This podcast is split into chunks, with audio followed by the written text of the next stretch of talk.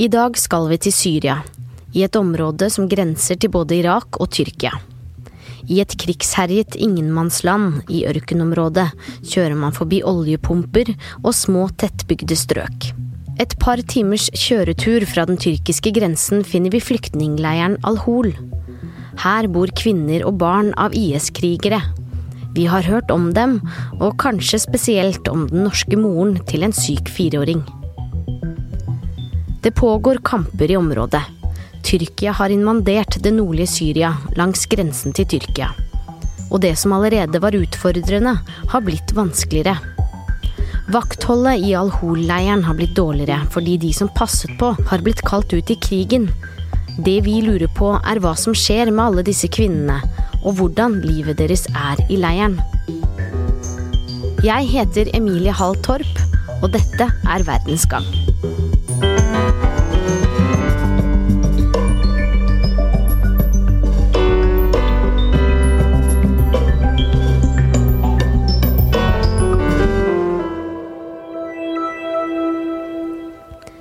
Harald Henden er fotograf i VG. For ikke lenge siden var du i Al-Hol-leiren sammen med journalist Amund Bakkefoss. Fortell om reisen. Uh, Al-Hol ligger jo i uh, det nordøstlige, uh, nordøstlige Syria. Og det er nok et av de vanskeligst tilgjengelige stedene å komme seg inn som journalist i dag, nesten på verdensbasis. vi flyr til Erbil i Nord-Irak, kurdisk-kontrollert Nord-Irak og kjører derifra i ca. tre timer opp til grensen, som ligger uh, ved trelandsgrensen mellom Syria, Irak og Tyrkia. Så er det prosedyrer der.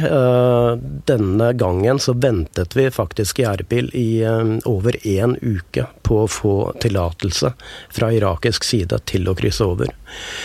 Man gjør prosedyren på, på den siden, og deretter så skal man krysse Tigris. Mm. Som er grenseelven mellom, mellom Nord-Irak og, og Nord-Syria.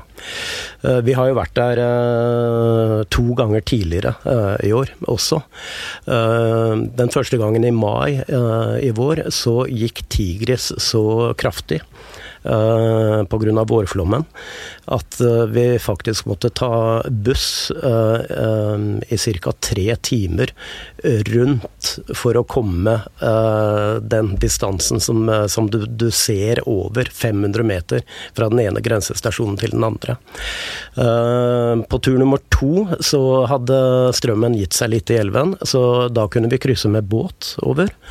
Mens denne siste gangen så hadde de fått på plass flytebroen igjen. Så da var det bare en, en kort busstur over til syrisk side.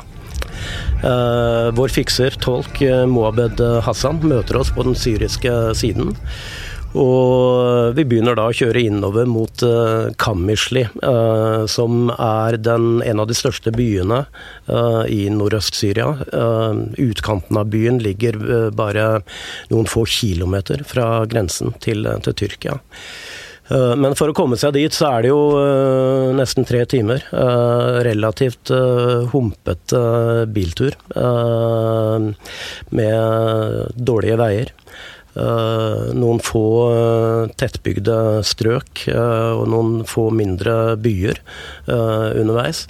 Det første som slo meg da jeg var det første gangen, er faktisk alle, alle de klassiske oljepumpene som står spredd under den første delen av, av reisen. Uh, og videre så, så, hadde de jo begynt allerede for flere måneder siden uh, å grave uh, befestninger langs veien i påvente av det, et tyrkisk angrep, som vi nå vet, vet har kommet. Og så er det siste etappe inn til Al-Hol-leiren. Eh, så kjørte vi vel gjennom eh, eh, tolv militære veisperringer. Der vi måtte vise papirer hele, hele, hele tiden. Så det er, det er, ganske komplisert å bevege seg i, i Nordøst-Syria. Thank you. Thank you so much. Hasta Da kommer man først inn i, inn i mm, Al-Hol by, eh, som er en, en, veldig liten by som ligger eh, i umiddelbar tilknytning til leiren, og som har gitt navn eh, til, til leiren. Uh, kommer over egentlig en liten bakketopp, og, og, da ser du leiren for første gang. Som sprer seg over et enormt stort område uh, ute i ørkenen, uh, rett og slett. og kjører langs veien som går forbi en del av leiren, der det bare er en 20-30 meter til de første teltene, men som er skilta med, med et stort piggtrådgjerde. Eh, kjører inn eh, hovedporten og kommer da til det som på mange måter er administrasjonsområdet. Eh, der leirledelsen sitter. Deretter begynner egentlig en, en uh, byråkratisk runddans. Uh, for selv om vi da har fått tillatelse fra etterretningen allerede til å dra til leiren, til å få tilgang, så begynner, begynner den runddansen egentlig på ny. Så først med uh, lang tid med den sivile leirledelsen, deretter et langt møte med etterretningen, deretter ned til, til den militære militsen. Uh, tilbake igjen til den uh, sivile delen. Og først etter en uh, to-tre timer fikk vi da endelig tillatelse og en mann til å følge oss til ICRC-sykehuset. Røde Kors-sykehuset, som, som, egentlig er norsk, men som blir drevet i samarbeid med Den internasjonale Røde Kors-komiteen og Syrisk Røde Halvmåne rett ved siden av uh, dette Røde Kors-sykehuset, så ligger det en, en uh, også for så vidt et, et, sykehus, eller mer en, en helsetjeneste, som er drevet av uh, Syrisk Røde Halvmåne, der pasientene først kommer inn. Uh, og så blir de eventuelt henvist videre til Røde Kors-sykehuset. Mm. Røde Kors-sykehuset hadde ikke mange pasienter da vi var der, men vi fikk se en um, operasjon på en, um, en, ung kvinne som hadde fått amputert begge bena. Uh, der det hadde gått betennelse i, i sårene, og, og, hun ble da operert for, for dette. Uh, det som kanskje var enda sterkere, var å møte en, en 19 år gammel gutt som også hadde fått eh, amputert begge bena over knærne, og i tillegg den eh, høyre armen ved, ved skulderen. Uh, så selv om det var få pasienter, så var det noen sterke inntrykk på, på dette sykehuset likevel. Ehm, så når vi er ferdig på, på, sykehuset, så, ehm, så, Og som jeg nevnte, dette er et enormt stort område. Så kjører vi derifra og skal da tilbake igjen til administrasjonsområdet. Mm. Da kjører vi gjennom den delen av leiren der de syriske og irakiske kvinnene sitter.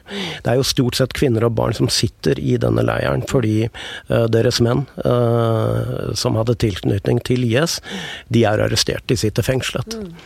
Mm. Uh, og på vei tilbake så får vi overtalt uh, denne, denne, mannen fra den sivile administrasjonen som følger oss, til å stoppe. Uh, og vi får da lov til å gå ca. 300 meter gjennom en liten handlegate som er, tatt, som er satt opp i, i, i, denne, i denne leiren.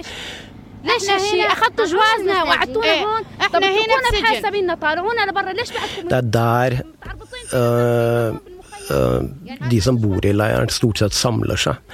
Uh, igjen, den er spredd over et, et, enormt område. Det er så varmt at, uh, at folk for det meste holder seg gjerne inne i, i teltene. Uh, Idet kvinnene i leiren kommer ut, så er de fullt tildekket av, av nikab. Mm. og går med, med, med, små barn på, på armene.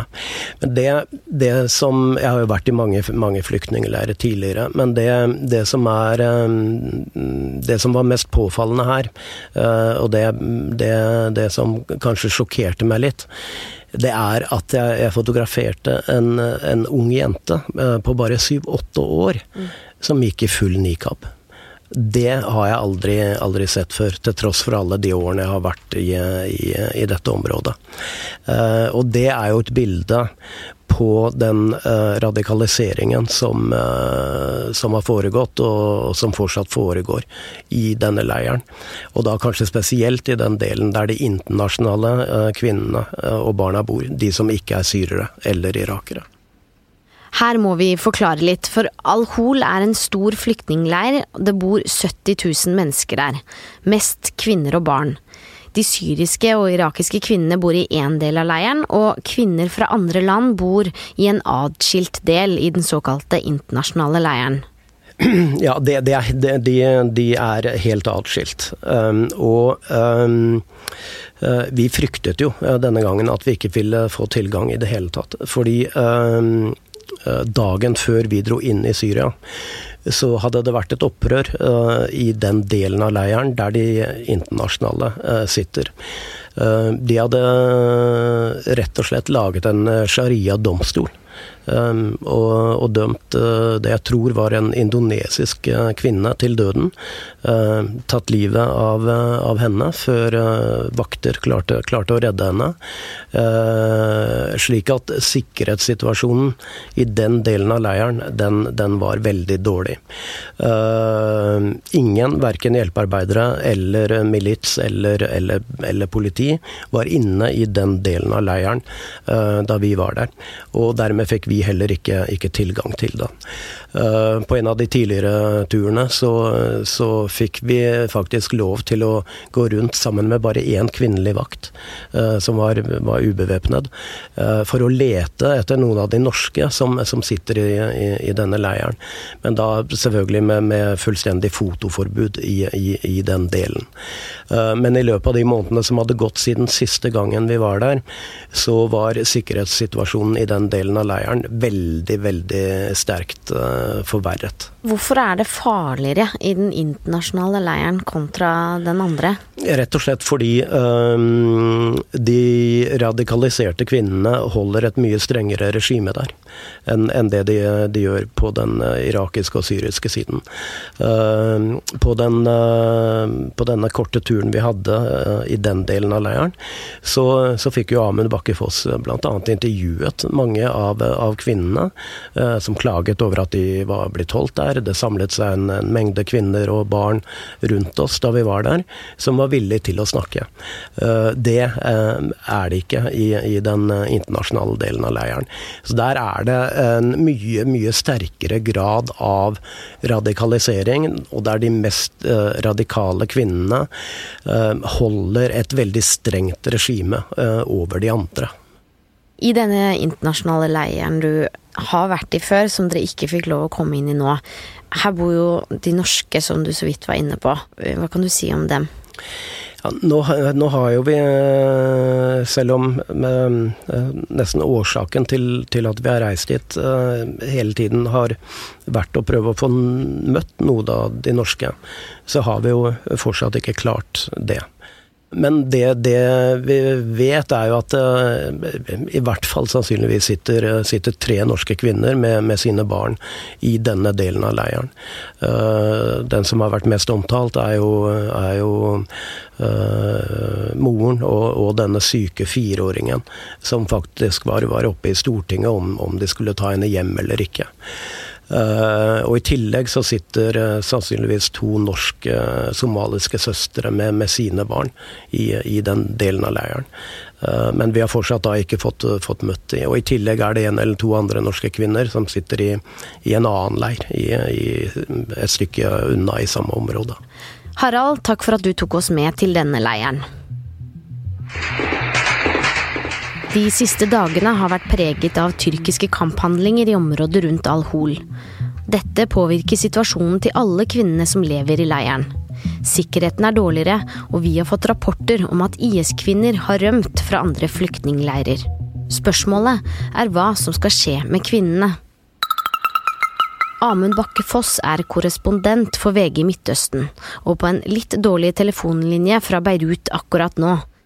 Amund, hva kan skje med IS-kvinnene og barna deres nå? Jeg skal prøve å være så tydelig som mulig. Den personen som sier at uh, at han, vet, han, eller hun vet hva som skjer med disse kvinnene nå, og hva framtiden deres vil være, eh, den personen, den lyver. Eh, for noen dager siden så trodde vi kanskje at eh, den tyrkiske hæren eller deres allierte ville angripe Al-Hol og de andre leirene og overta beskyttelsen av dem. Nå får vi vite at Syrias president Bashar al-Assad, altså en omstridt og Eh, til tider grusom eh, eh, diktator i Syria har inngått en avtale med kurderne for at kurderne skal overleve i kampen mot Tyrkia. Så innen noen dager nå så kan vi ha en situasjon der det syriske regimet og den syriske regjeringshæren har rykket inn i de nordøstlige områdene av Syria, der kurdiske militser før hadde kontroll. Og hva som da vil skje med IS-familiene, altså eh, kvinnene og barna til døde eller drepte IS-krigere, der også norske kvinner er, eh, det er høyst eh, uklart. Norske myndigheter og norske politikere har nå lenge hatt en gyllen mulighet med den kurdiske administrasjonen i Syria. Der har de hatt en velfungerende administrasjon som de har kunnet ha kontakt med. Eh, eh og disse, denne administrasjonen har ønsket å, å, bidra til og hjelpe med at kvinner og deres barn kan eh, komme seg ut av leirer som Al-Hol og hjem til eh, sine hjemland. Eh, eh, nå aner vi ikke hva som vil skje med de norske kvinnene i Al-Hol-leiren, heller ikke deres barn. Hvis Bashar al-Assads regime rykker inn i området, vil alt være veldig mye mer uklart og veldig mye mer komplisert for norske myndigheter. Verdens Gang er laget av Kristine Hellesland, Tor Erling Tømt Ruud og meg, Emilie Hall Torp. Teknisk produsent er Magne Antonsen. Musikk er laget av Hans Kristen Hyrve.